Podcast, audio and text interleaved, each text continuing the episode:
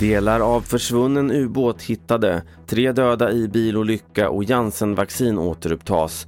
Ja, det här är TV4-nyheterna som börjar med uppgiften om att delar av den indonesiska ubåt som försvunnit utanför Bali nu har hittats på 850 meters djup. Det uppger Reuters. Ubåten försvann under en torpedövning i onsdags och ingen av de 53 besättningsmännen tros ha överlevt.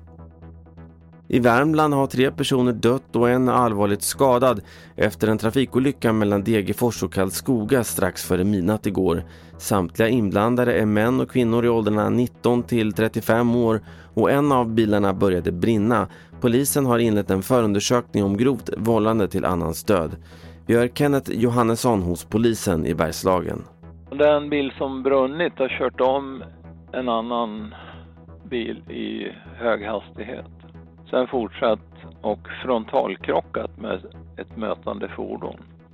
På grund av hög smittspridning bland barn och unga under våren är nu många lägerarrangörer oroade för att det inte ska bli några läger till sommaren. De hoppas därför på att Folkhälsomyndigheten kommer med rekommendationer så snart som möjligt. En av dem är Nils Karlsson, lägeransvarig på KFUM Nydala i Umeå. Lägerverksamheten är viktig för barn. De behöver sådana här friluftsaktiviteter, meningsfulla aktiviteter och ett socialt sammanhang.